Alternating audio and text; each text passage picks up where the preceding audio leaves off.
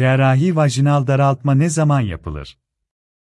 Vajina zor doğumlar, sigara, aşırı ve zorlu cinsel ilişki, yaş, genetik ve yapısal sebepler nedeniyle esneklik ve sıkılığını kaybedebilir. Bu durum vajinanın olması gerekenden daha geniş olmasına ve cinsel açıdan yetersizliğine neden olabilir. Vajina daraltma için lazer tedavisi yapılması daha konforlu olmasına karşın bazı durumlarda, ileri derecede genişleme, endopelvik fasya defekti, cerrahi operasyon ile vajinal daraltma daha efektif olabilmektedir.